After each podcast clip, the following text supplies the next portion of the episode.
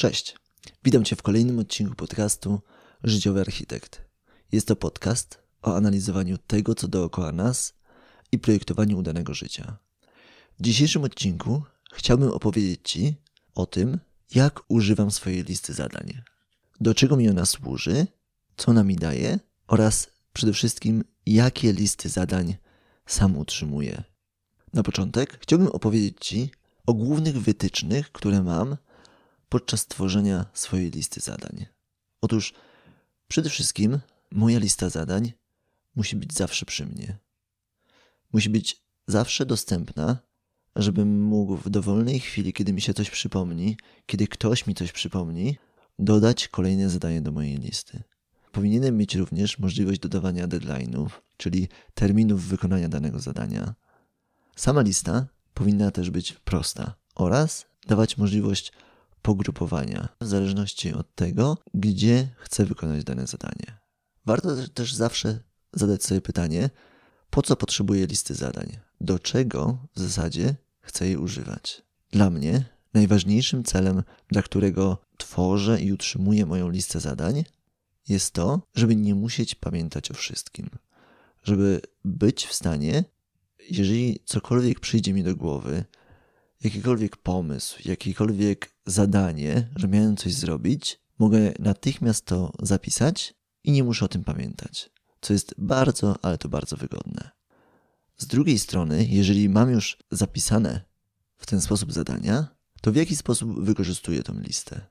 Lista zadań jest dla mnie metodą na to, żeby wiedzieć, co jest dla mnie w tej chwili ważne. A kiedy mam czas na zrobienie czegoś, czy to w domu, czy to w pracy, powinienem móc otworzyć odpowiednią listę i bardzo szybko wybrać spośród dostępnych zadań, w szczególności spośród zadań na samej górze listy, to, czym mogę się w tej chwili zająć. To są moje główne wytyczne, główne założenia odnośnie tego, jak powinna wyglądać moja lista. W jednym z poprzednich odcinków opowiedziałem Ci moją historię, jak próbowałem działać z moimi listami zadań, zarówno z listami papierowymi, jak i listami online. W tej chwili używam dwóch różnych aplikacji do zarządzania listą zadań. Obie te aplikacje pozwalają na współdzielenie tego, co mam zaplanowane pomiędzy moim komputerem, pomiędzy komputerem służbowym, a pomiędzy moim telefonem. Dzięki temu lista jest zawsze przy mnie. Pozwalają oczywiście też na kategoryzację, spełniają wszystkie wymienione przeze mnie wcześniej wymagania dobrej listy zadań. Czego używam do tworzenia mojej listy zadań? Podstawową listę zadań bieżących prowadzę w Nozbe.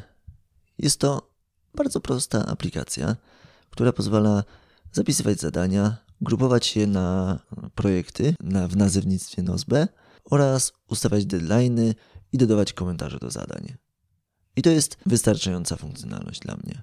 Przy czym warto tu też zauważyć, że większość moich zadań nie ma deadline'u. Rzeczywiście, deadline'y mają takie zadania jak przedłużyć ubezpieczenie, zapłacić rachunki. Rzeczywiście, niektóre zadania muszą mieć deadline'y, ale większość zadań związanych z moimi projektami pobocznymi, z tym, co robię dookoła podcastu, dookoła moich blogów, nie ma deadline'u. Dlaczego? Ponieważ nie chcę tworzyć pewnej sztucznej presji na mnie, na to, co powinienem zrobić, a czego nie powinienem zrobić. Mam dużo doświadczenia z tym, że próbowałem robić bardzo dużo. Mam bardzo dużo pomysłów, mam bardzo dużo planów, ale w momencie, kiedy zaczynałem dokładnie planować każdy dzień, dokładnie rozpisywać, co kiedy chcę zrobić, to często planowałem za dużo albo za mało.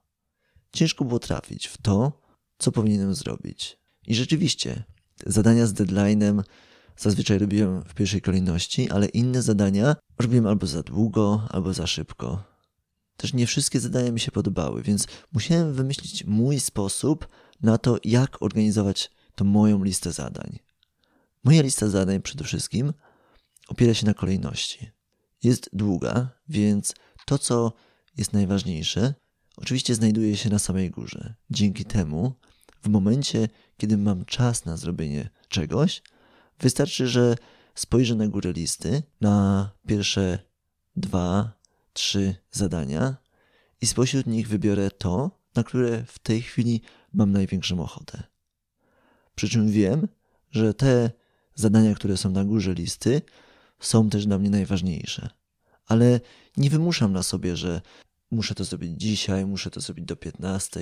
Jeżeli nie mam zewnętrznego przymusu do tego, żeby zrobić dane zadanie w określonym terminie, sam też staram się nie narzucać sobie takich deadline'ów, takich terminów, bo widzę, że jest to dla mnie negatywne. Często po prostu w momencie, kiedy nie wywiążę się z takiego terminu, albo nie wywiążę się z danego planu, czy to w jedną stronę, czyli czy nie zdążę czegoś zrobić, czy to w drugą stronę, kiedy zrobię za dużo, to źle na mnie wpływa.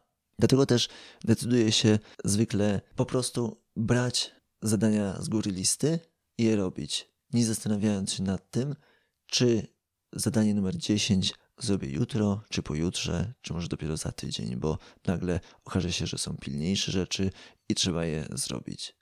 To bardzo rozluźnia sposób pracy z zadaniami, ale też dodaje niesamowicie dużo komfortu i elastyczności podczas tej pracy, ponieważ nagle mamy miejsce na nieprzewidziane zadania. Nagle mamy miejsce na to, że możemy być zmęczeni, na to, że możemy chcieć zrobić jednak coś innego, co nie do końca musi być na naszej liście. Bo na przykład zabawy z dzieckiem nie mam na swojej liście zadań, a mimo to bardzo często wolę pobawić się z dzieckiem, niż robić niektóre rzeczy z mojej listy zadań. Druga istotna zasada związana z moją listą zadań jest to, że nie wszystkie zadania muszą być wykonane. Mam sporo zadań, głównie związanych z moimi projektami, które zagłodziłem. Mianowicie są nadal gdzieś tam na końcu mojej listy, ale już od dłuższego czasu ich nie zrobiłem. A to oznacza, że jeżeli od dłuższego czasu ich nie zrobiłem i nic się nie stało, to widocznie nie muszę tego robić. To też się dobrze sprawdza z zadaniami w pracy. Mam też kilka zadań, które są na samym dnie mojej listy w pracy, których nie zrobiłem od dłuższego czasu. I tutaj mam podobne myślenie. Jeżeli nie zrobiłem ich przez tak długi czas i nikt się o to nie upomina i nikt tego nie potrzebuje, to najwidoczniej to zadanie nie było nikomu potrzebne. Więc dobrze, że nie traciłem na niego swojego czasu. Zadania w Nozbe staram się też organizować w kilka grup. W tej chwili wszystkie zadania dzielę na zadania służbowe, zadania ogólnie związane z domem i rodziną oraz zadania związane z moimi pozapracowymi projektami. Ten sposób organizacji pozwala mi łatwo zdecydować, czym powinienem się w danej chwili zająć, bo wiem, że mając czas w pracy, powinienem spojrzeć na odpowiednią listę, a mając czas w domu, powinienem spojrzeć na inną listę.